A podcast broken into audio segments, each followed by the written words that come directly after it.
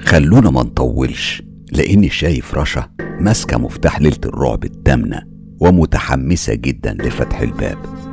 واضح إن داغر محمس الناس كلها.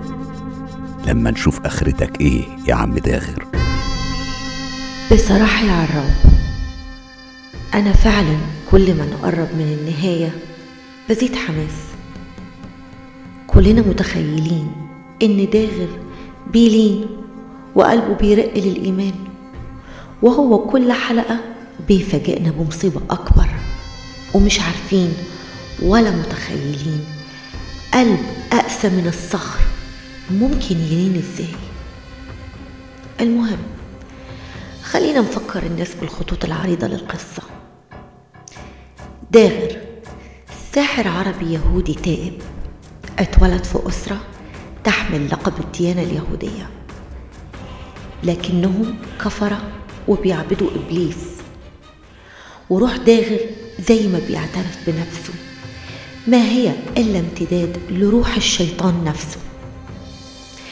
بيشوف متعته في أذية الناس وعمل أسحار يقف قدامها السحرة عاجزين. عمل عهود مع كل أمراء الجن من كل نوع وأخد ختم إبليس. كساحر وتابع معتمد وفي طريقه للشهرة اللي وصلها بسبب ترياق الشهوة وكمية أنواع الأسحار الكتير اللي اتعلمها وأذى ناس كتير وقضى على قبائل كاملة ودمر حياة مسؤولين كبار.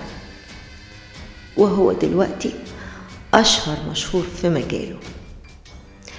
لكن عنده مشكلة وحيدة. وهي إن الناس متخيلة إنه مسلم. وده لأنه شايف بكده هيقدر يشتغل أكتر ويلم فلوس أكتر تحت عباءة الشيخ. وبما إنه ما يعرفش أي حاجة عن الإسلام أو الأديان فاشترى لأول مرة في حياته تلفزيون وبدأ يسمع في كل الأديان. للأسف وفاة والده اللي كنا متخيلين إنها هتهديه كانت سبب في فجوره أكتر. يلا بينا نفتح باب الرعب الثامن ونشوف داغر هياخدنا لفين. أنا عارف أنتم شايفيني إزاي دلوقتي. أقول لكم على مفاجأة. أنا كنت أسوأ من الصورة اللي أنتوا شايفيني بيها دي.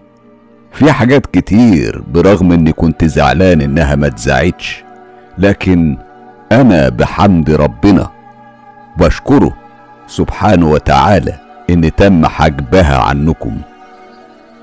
صدقوني أنا روحي دلوقتي غير. أنا عايش بروح حد تاني حرفيا وده اللي هتعرفوه بعدين. خلينا ما نسبقش الأحداث ونكمل. بالرغم إن أغلب الزباين كانوا من الطبقة المخملية في المجتمع يعني الطبقة العليا ومن أكبر الشخصيات البارزة في الوطن العربي وأوروبا إلا إنهم كانوا هم اللي بيجوا لحد عندي من أول الشقة اللي سكنت فيها بعد ما سبت بيت أبويا اللي مش عارف حتى أقول عليه الله يرحمه. ولحد الفيلا اللي أنا ساكنها دلوقتي. فجأة جات لي دعوة من رئيس نادي مشهور في أسبانيا. آه بالمناسبة الأسبان بيؤمنوا جدا بالسحر وبيعرفوا يستخدموه بشكل مبهر. هم أقرب الشعوب للأوطان العربية في استخدام السحر. أما أمريكا فتعتبر الأقل برغم الأفلام المبهرة اللي بيعملوها عنه. المشكلة كانت إني ما عنديش أوراق ثبوتية غير شهادة الميلاد اللي كان مكتوب فيها إني يهودي. ولو طلع الباسبور بالديانة دي هتبقى مشكلة كبيرة. العالم اختلف عن زمان وأنا مش ضامن مين يستخدم الأوراق ضدي. مفيش غير حل واحد وهو إني أطلع أوراق تقول إني مسلم. وهنا بيجي دور السلطة. أنا كلمت رأفت باشا حسين المسؤول الجديد بعد عماد باشا الله يرحمه. طبعا بعت له إزازة من ترياق الشهوة ومعاها كلمتين. عايز باسبور باسم داغر السيد صالح الديانة مسلم. بعت لي مع المرسال عدد الصور المطلوبة ورسالة بتقول إن هو الباسبور هيوصلني في الميعاد المحدد. وقد كان. سافرت على أسبانيا وأنا مش فاهم حاجة خالص. المهم طبعا رئيس النادي الشهير اللي هسميه رونالدو كان مخصص لي مترجم لحظ الحلو. كان بلدياتي وكان مسلم كمان ودي المشكلة الوحيدة معاه لأنه كان دايما بيسألني في الحاجات اللي بعملها حرام ولا حلال.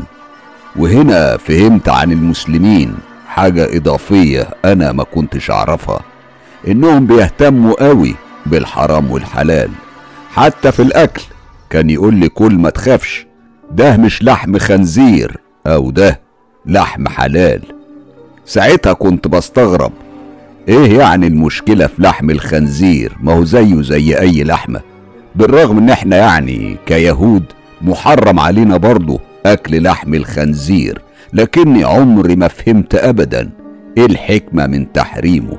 ما علينا كنت متوقع إن رونالدو هيطلب مني أعمل سحر للنادي المنافس لكن الموضوع طلع مختلف تماما. كان عايزني أفتح كنز والكنز ده كمان ما كانش في أسبانيا.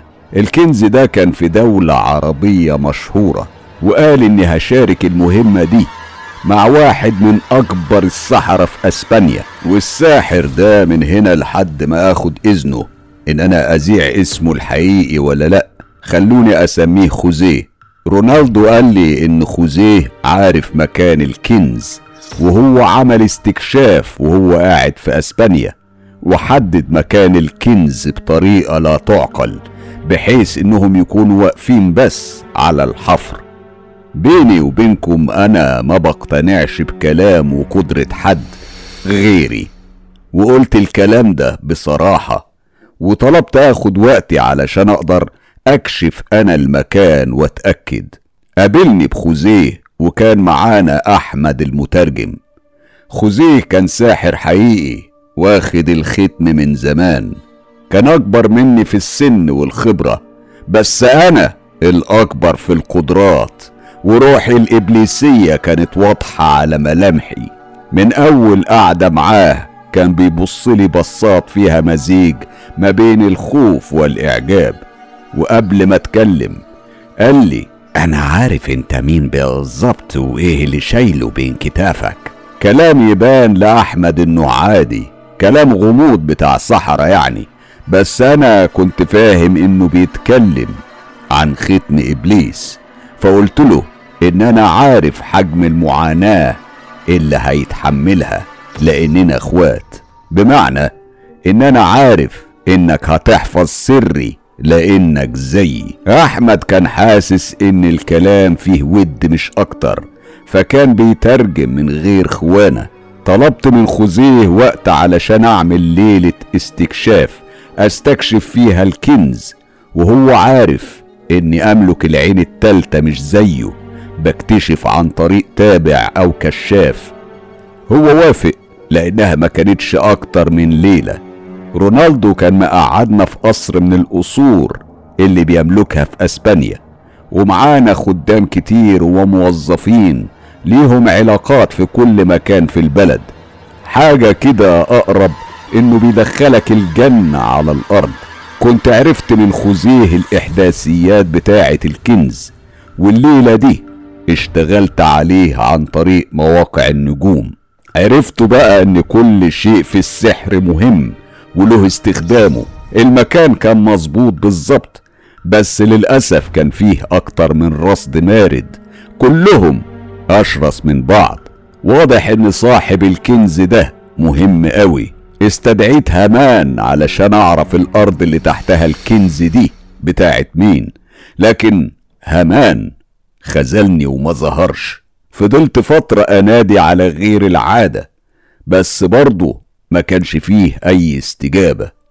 لما فجأة ظهر جن عملاق بيقول صخر في خدمة داغر بشكل تلقائي قلت له صخر؟ صخر مين وفين هامان رد صخر بقوة وعنف. أنا واحد من خدام إبليس المخلصين. واللي المفروض إن إحنا بنقدم نفس الخدمة لنفس الإله؟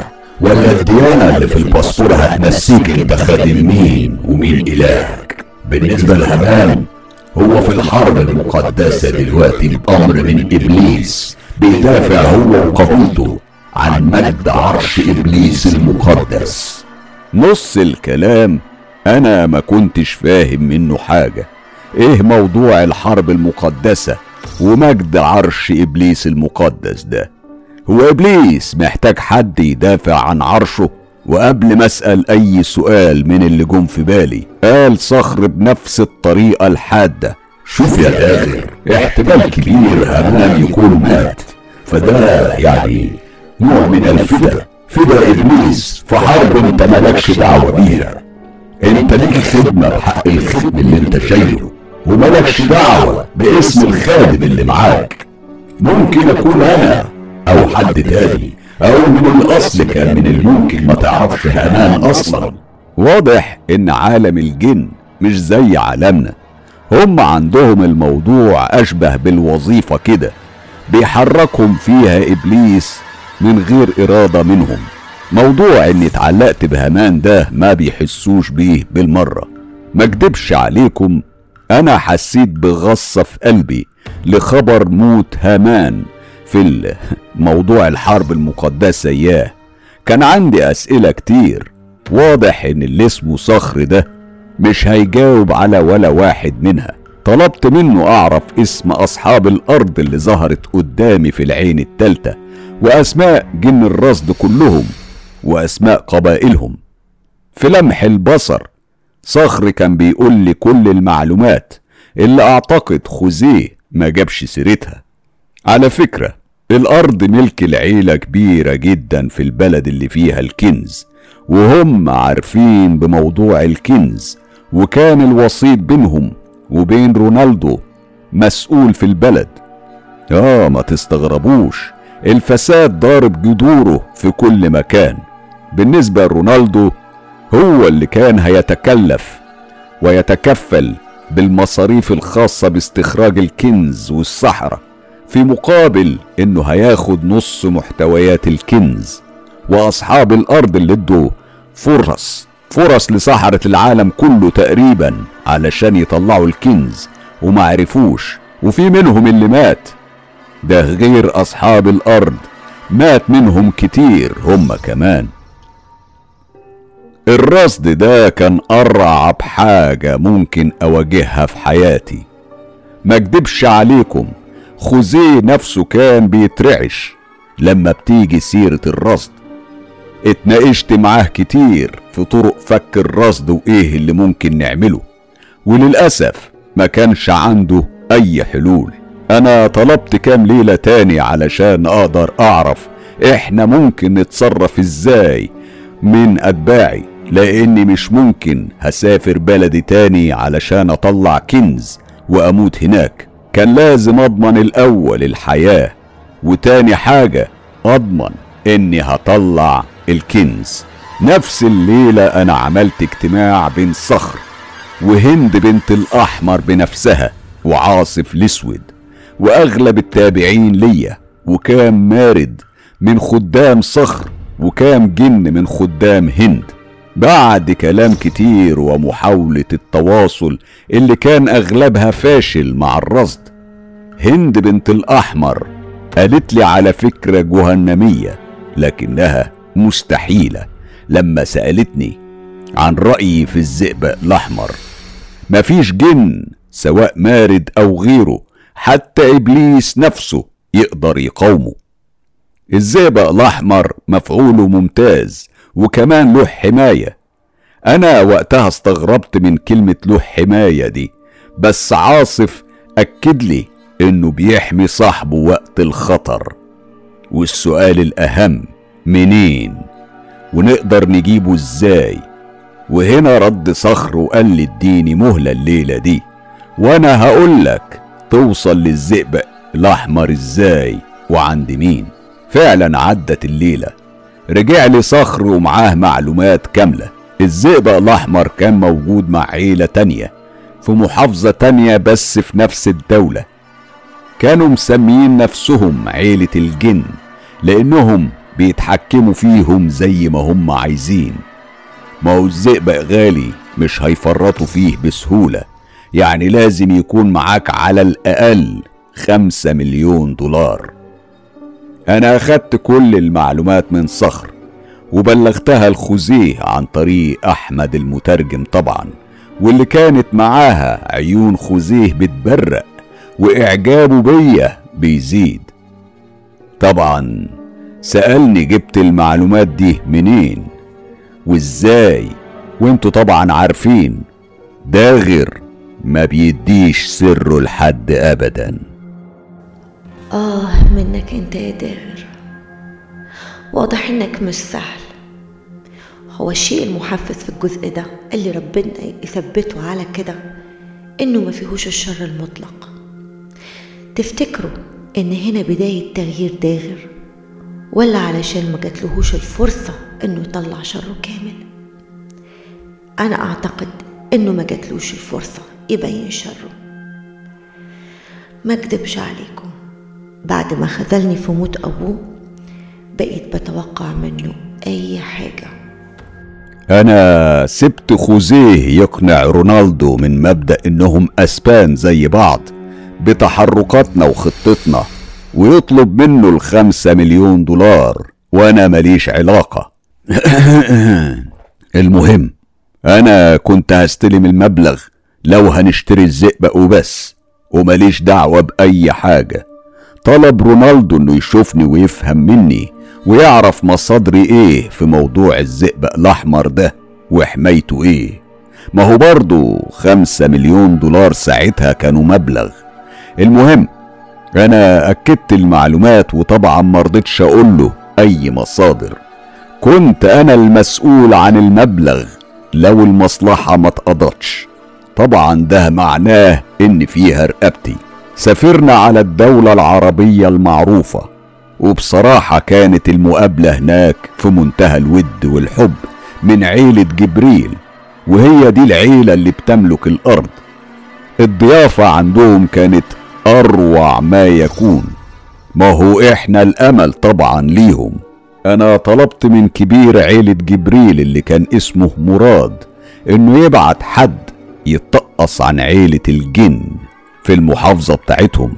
مراد ده كان يعرف كتير عن عيلة الجن. واضح إن الناس دي صوتها مسمع. أهم حاجة بتعيب عيلة الجن دي إنهم مش بنفس الود بتاع عيلة جبريل.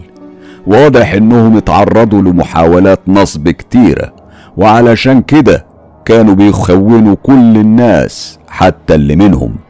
امتلاك الزئبق الأحمر ممكن يكون سبب في فناء عيلة كاملة زي عيلة الجن. أنا سهرت مع صخر الليلة دي علشان أعرف منه إيه هي تعليمات إبليس للبقاء على قيد الحياة. ما هي دي فايدة الشيطان في الحاجات الخطر اللي من النوع ده؟ هو قال لي إن الزئبق الأحمر الأصلي ما بيبانش في المراية. حاجة كده شبه الفامباير مصاص الدماء. لما تحطه قدام المراية ما بيظهرش له أي انعكاس. ولو الدنيا اتأزمت أقول تعويذة معينة فيها ذكر جميع أسماء الشيطان المقدسة. وساعتها أنا اللي هختفي عن عيون الناس. آه الشيطان عامل لنفسه أسماء مقدسة عباده بيدعوه بيها علشان يستجيب ليهم ويساعدهم. مش قلتلكم قبل كده عامل محاكاة للذات الإلهية؟ أنا حفظت الترانيم دي عن ظهر قلب ومراد بعت مرسال لعيلة الجن وبصراحة ما كانش أي مرسال ده كان المسؤول اللي هو الوسيط بين مراد ورونالدو. حاجة كده تدي الأمان. ومع ذلك عيلة الجن قابلوه مقابلة فترة صعبة شوية كمان. فتشوه وأخدوا سلاحه. وأول ما دخل بلدهم عملوا معاه أكتر من اللي كان متوقعه. المهم هو توصل معاهم لاتفاق. إنهم هياخدوا المبلغ كامل من قبل ما إحنا نوصل عندهم. آه ما تستغربوش. ما هي طلبات من يملك الزئبق الأحمر. ما بتقلش عن المبلغ كامل بأي حال من الأحوال. إن شاء الله لو بعت لهم رئيس جمهورية. أنا وافقت لأني عارف إن المسؤول اللي ما كانش هيبقى معانا وقت التسليم ممكن يغربل العيلة كلها. ويمحوها عن بكرة أبيها يعني بنسبة كبيرة جدا. الذئب أصلي وسليم وحياتي مضمونة بتعويذة الحماية من إبليس. رحت أنا وخوزيه وأحمد ومراد وكام راجل من رجالته ومعانا الفلوس كاملة. واللي معرفش دخلت الدولة إزاي ووصلتنا. المهم دلوقتي هو الزئبق طلبت مراية وحطيت قدامها ازازة الزئبق الأحمر اللي كانت لا تتعدى عدد معين من الجرامات وفعلا ما ظهرتش. أنا بشرتهم باتزان وثبات إنها أصلية.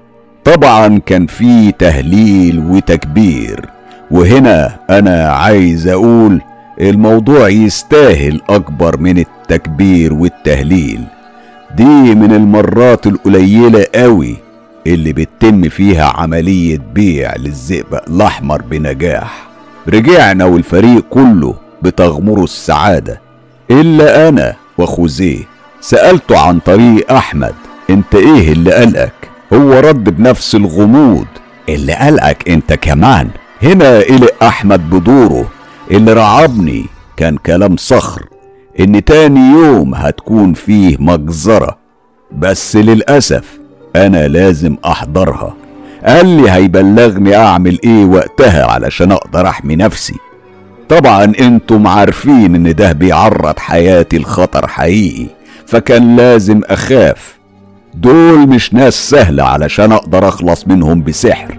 لكن في الأول وفي الآخر أنا معايا إبليس اللي بخدمه بكل إخلاص وحب وأكيد مش هيسيبني. لقيتني بسأل خوزيه وأنت هتعمل إيه؟ المشكلة كبيرة. علامات الموافقة ظهرت على وش خوزيه وقال لي أنا هحمي نفسي وأحمد وأنت حاول تحمي نفسك وسيب باقي رجالة رونالدو يحموا نفسهم. هما معاهم سلاح يكفي حرب عالمية إحنا بس اللي لازم نكون في أمان. برغم إنه ساحر بس طلع كريم.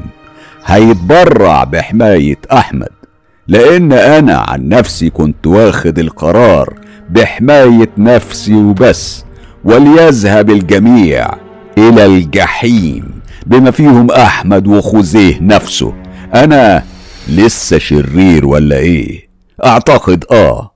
أنا لحد دلوقتي وبرغم كل اللي مر عليا كنت لسه بنفس الروح الشيطانية المجرمة. في النهاية لو العالم انتهى مش لازم يفضل فيه غير اتنين داغر والشيطان. لما وصلت لأوضتي اللي كانوا مخصصينها ليا علشان أنام لأننا هنصحى قبل الفجر علشان نروح نطلع الكنز ظهر صخر وعرفني إن تاني يوم عيلة جبريل لما باب الكنز هيتكشف هيفتحوا النار على كل اللي موجودين سواء كانوا من رجالة رونالدو أو السحرة بتوعه اللي هو إحنا يعني والوسيط نفسه ورجالته المدججين بالسلاح. ده كان طبعا طمعا في كل المحتويات الخاصة بالكنز اللي أكيد هيكون فيها ذئب أحمر. وغيرها من المحتويات اللي تقدر بالمليارات. أكيد كمان إن مفيش حد هيقدر يقرب منهم لأنهم بيمتلكوا قوة جبارة بعد امتلاك الكنز زيادة عما يمتلكوه بالفعل. وبالنسبة لتفسير قتل المجموعة دي كلها في أرض تخص عيلة جبريل الرد كان جاهز. شوية حرامية كانوا متخيلين إن الأرض فيها كنز ولما ما لقوش حاجة قتلوا بعض وإحنا أبرياء من دمهم. كلام منطقي برضه طيب يا عم صخر كده الموضوع بقى كبير. واضح إني هروح فيها وساعتها مش هتكون إنت ولا إبليس عملتولي حاجة خالص. والكام مليون اللي أخدتهم في الحوار ده هيكونوا ضاعوا على الفاضي. صخر قال لي بحدة زي اسمه. إزاي تكون في خدمة إبليس العظيم؟ وتقول الكلام التافه ده. بيني وبينكم أنا حسيت ساعتها بنفس العار. بصيت في الأرض وسكت. المهم بعد ما خلص صخر الخطبة العصماء عن الشيطان اللي أنا كنت حافظها عن ظهر قلب أنا كان ممكن أقول أحسن منها لإيماني بإبليس يمكن أكتر منه هو نفسه. هو قال لي ثبت عينيك على أزازة الزئبة بعد ما تستدعي المرضى عندك انت وخوزيه وتعملوا معاهم اتفاق اللي هو مش هيكون في موافقة كلامية بينكم لكن علامة الموافقة هتكون سحب الزئبق الأحمر من الإزازة بالكامل. أول ما تلاقيها فضيت هتسجد على الأرض وتصلي لإبليس وهتدعوه بالحماية. بس خلي بالك لازم تغير مكانك. لأن ممكن تيجي فيك رصاصة طيشة ولا حاجة. لازم تكون بعيد عن العيون علشان كمان محدش يعرف مكانك. وقد كان الأجواء كانت متوترة ومشحونة جدا برغم إن الموضوع كان سهل وبسيط. كل الناس منفعلة إلا رجالة عيلة جبريل اللي كانوا ودودين أكتر من اللازم ودي كانت علامة الغباء. في موقف زي ده لو أظهرت لغيرك الود المبالغ فيه أنت كده بتأكد شكوكه وبتأكد له إنك جاي تقتله. أعتقد إن خوزيه كان واخد نفس التعليمات. بس الغريبة أنا ما كنتش عارف هو هيحمي أحمد إزاي. بيني وبينكم ساعتها ما كانش يهمني ولا يشغلني. الدنيا مشيت زي ما هو مخطط ليها بالظبط. قعدنا أنا وخوزيه وأحمد معانا في خيمة. الباقي كان واقف بره عند المفروض يعني اللي هتبقى فتحة باب الكنز. إحنا استدعينا المرضى وعملنا معاهم الاتفاق. وأول ما لقينا إزازة الزئبق بتفضى أنا عديت من تحت ظهر الخيمة وزحفت على بره سجدت لابليس وقلت له أدعوك يا إلهي. إنك تحميني بحق عهدي معاك وحمل ختمك العظيم. أرجو أن ترحم روحي وتمد في أجلي ولا تحرمني من خدمتك. أنا هنا حسيت بجسمي بيخف قوي كأني بنزل في مية. كل ما كنت بستنجد بالشيطان كان جسمي بيخف أكتر لحد ما حسيت إني شبه طاير برغم إني كنت لامس الأرض زي ما أنا. وده ما كانش له غير معنى واحد. أيوه بالظبط. أنا تقريبا اختفيت عن عيون البشر كلهم. حاولت أتأكد بصيت من ورا الخيمة لقيت حرب دايرة الناحية التانية والخيمة واقف فيها اتنين بيدوروا عليا أنا وخوزيه وأحمد لكنهم ما لقيوش حد. أنا هنا اتأكدت إني اختفيت. وطلعت اجري في أبعد مكان عن الرصاص وعن أرض الهلاك ديت وعن البلد بحالها. طبعا كان معايا باسبوري وتذكرتي اللي كانت في نفس اليوم بس مش متجهة لأسبانيا. دي كانت رايحة على بلدي. أنا أخدت فلوسي عن العملية دي كاملة وما يهمنيش مين اللي عاش ومين مات ورونالدو أصلا هيعمل إيه. مش مشكلتي. أنتوا عارفين ان آخر حاجة وقتها كانت تشغل بالي هي أفعال الناس وتصرفاتها. الموضوع بالنسبة لي بيزيد سوء ولخبطة. لحد دلوقتي مفيش حاجة حركت مشاعر داغر غير كم موقف كان بيرجع بعضهم أقذر من اليوم اللي قبله. مازال بيستخف بحياة الناس برغم إنه خسر أبوه. وكان هيخسر حياته هو نفسه دلوقتي. المشكلة الأكبر إننا خلاص نعتبر بنوصل لنهاية القصة وما زلنا في نفس الحيرة. الروح التي لا تتعظ من الموت أو حتى تحن أو ترق على فقدان كل عزيز وغالي هتوب إزاي؟ أنا عارف إن أنتم في حيرة والله يا رشا. بس زي ما انت شايفة المرة اللي حياتي اتعرضت فيها للخطر كان الشيطان بيحميني وبينقذ روحي من القتل الحتمي. ساعتها وقبل ما توب كنت شايف إن دي أعظم حاجة بيقدمها الإله لعبده فده كان بيزيدني إخلاص وحب الإبليس. ناهيك عن إن فكرة التخلص من الشيطان كانت انتحار في حد ذاتها. ثم أنا لسه في حمايته وبوصل كل يوم لأبعد من اللي أنا عايزه وبحلم بيه. أي حد في مكاني هيكون عايز إيه أكتر من كده؟ لما رجعت بيتي وافتكرت المواقف المحرجة اللي جمعتني مع أحمد اللي كنت بحاول أبعد منها على قد ما أقدر واللي كان بيسأل فيها عن الحلال والحرام وبما إني يعني مسلم. إزاي أقبل أكون ساحر؟ ومحاولتي. محاولاتي اللي أعتقد إنها كانت فاشلة في إقناعه إن ده مش سحر إن دي هبة من عند الله سبحانه وتعالى وإني يعتبر يعني راجل مبروك. كان لازم أعرف أكتر عن مبادئ الدين ده. وزي ما قلت لكم كان عندي تلفزيون فبدأت في الوقت ده أتابع القنوات الإسلامية على قد ما أقدر. علشان أتعلم شوية مصطلحات وكلام من بتاع المسلمين. عرفت ساعتها إن مفيش حاجة اسمها روح بتتحول لجن وإن الروح بيكون مكانها الوحيد إما جنة أو نار. بس كنت بقول في بالي كل الأديان بتقول نفس الكلام. اللي مش هيتبع الدين هيروح النار واللي هيكون معانا هيبقى في الجنة. ما خبيش عليكم. الموضوع ده ساب جوايا أثر لأن كل الأديان بغض النظر عن طبيعتها أجمعت على حاجة واحدة إن فيه جنة وفيه نار. مفيش دين قال إن السحرة بيتحولوا لجن الفكرة المجنونة اللي كنت مقتنع بيها وشاربها من صغري. ويعتبر كل الأديان بتجمع إن السحرة هم وقود النار نفسها. كان فعلا في حاجة في نفسي بتقول مش ممكن كل الأديان هتقول نفس الكلام والموضوع يطلع مش حقيقي.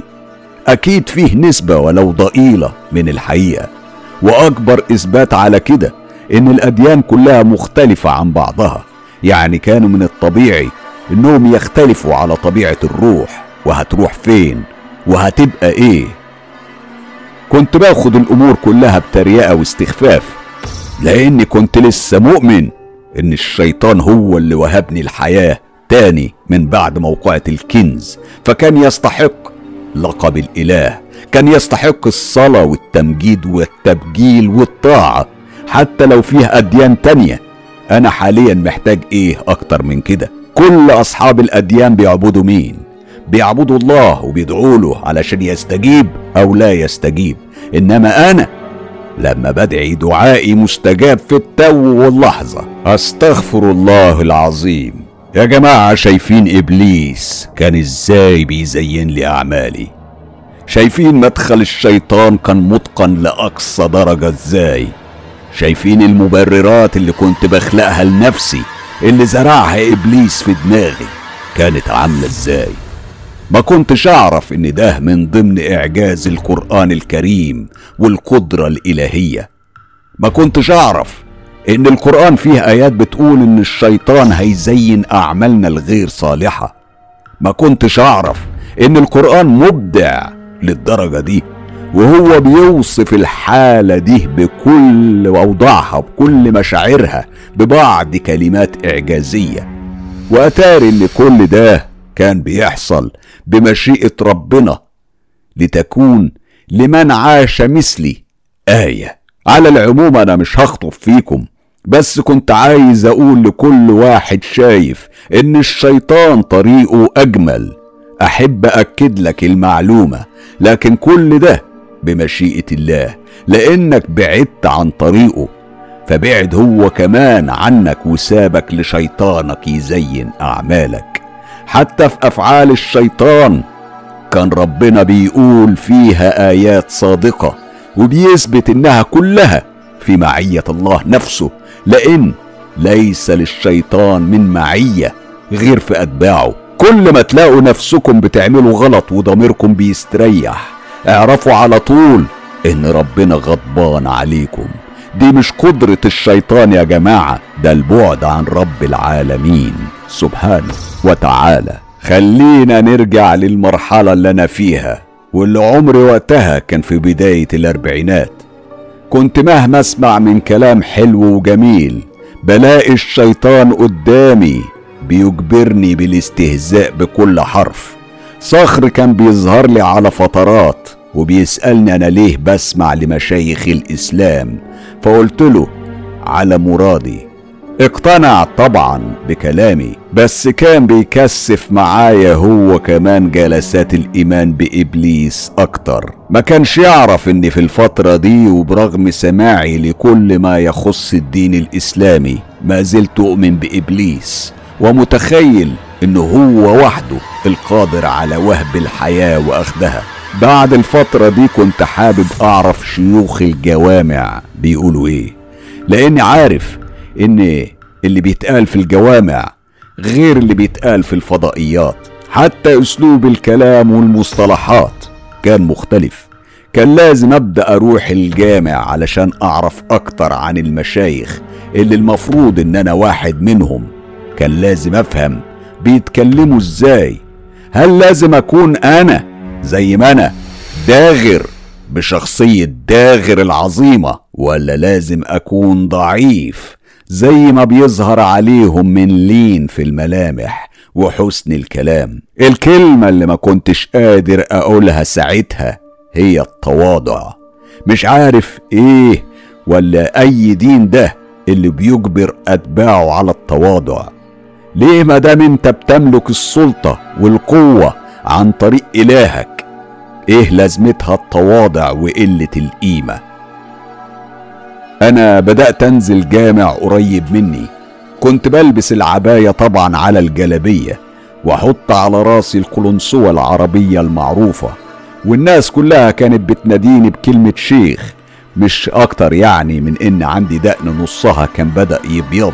وأنا أصلا ما كنتش طاهر وما كنتش عايز أبقى طاهر. أيوه أنا شفت حلقات كتير عن كيفية الطهارة بس بالنسبة لي ولا ليها أي لازمة. كنت بدعوهم بالمعاتيه وأنا بضحك في وشهم. هل لمجرد إني لابس زي المشايخ؟ أبقى شيخ. الغريب أنهم كانوا بيحترموني وبيبجلوني عن باقي الناس. يمكن اللي بيحضروا في نفس الجامع من سنين طويلة. كنت شايفهم مجتمع تافه سهل يندحك عليه. وساعتها وقتها كنت بعتبرها مصلحة بصراحة. ده كمان كان بيأكد لي إني صح. ليه دايما المؤمن لازم يكون أهبل. محدش فكر أنا مين وجاي هنا ليه؟ قعدت وسمعت الخطبة اللي كانت كلها عن الشيطان وأفعاله. بصراحة حسيت إن الكلام متطابق تماما مع حياة إبليس. وده معناه إن الناس دي فاهمة الشيطان كويس. الموضوع مش عبط وكلام في الفاضي وخلاص. الشيخ قال كمان إنك مهما كنت قريب من الشيطان هيجي يوم ويتخلى عنك وغالبا هيكون اليوم اللي هتقابل فيه ربنا سبحانه وتعالى علشان تشوف وتعرف أنت عملت إيه في نفسك. وبرغم كلام الشيخ اللي كان كله مظبوط مليون في المية إلا إني اعتبرته إنه بيتطاول علي أنا شخصيا. وما أدراكم ما عقاب المتطاول على داغر. أكيد عارفين. وهنا أقسمت بروح وكيان إبليس إن مش هتعدي الليلة دي غير وأنا عامل له سحر.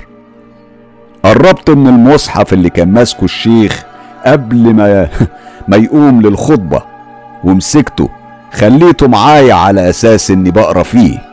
ما كنتش محتاج أخبيه في العباية وأنا خارج. سهل جدا تدخل الجامع وتطلع منه بمصحف والناس نفسها مبسوطة بيك. المصحف ده فيه ريحة الشيخ اللي هعمل له سحر يتأدب بيه لما يتكلم عن إبليس. فضلت الليل كله شغال وبمساعدة إبليس وأتباعه. عرفت اسم أم الشيخ نضال بالكامل وعملت له سحر. هيخليه مش قادر مش بس يخطب في الناس ده مش هيخليه مش قادر يقوم من السرير علشان يدخل الحمام. أول مرة أعمل سحر للانتقام لإبليس شخصيا. كنت سعيد جدا وأنا بثبت إني واحد من جنود إبليس المخلصين.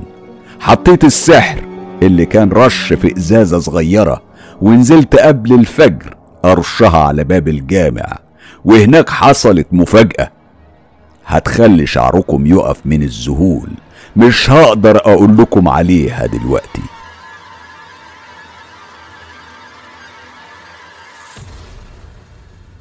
أنا كوليد مش عايزكم تزعلوا مني هي تبان قفلة غبية من بتوعي.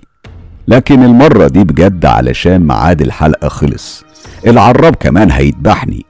نظرا لأن حلقات داغر بتكون صعبة ومجهدة في كل حاجة. أنا بصراحة بشفق عليه ودي فرصة إني أحييه قدامكم على الهوا لأنه يستحق بصراحة. أنا كل ما بقول رأيي فيه بيعمل نفسه ما شافش الكومنت لأنه بيشوف نفسه أكبر من إنه يثبت تعليق مدح في إمكانياته وقدراته. لكن أنا بقول أهو العراب بيدهشني.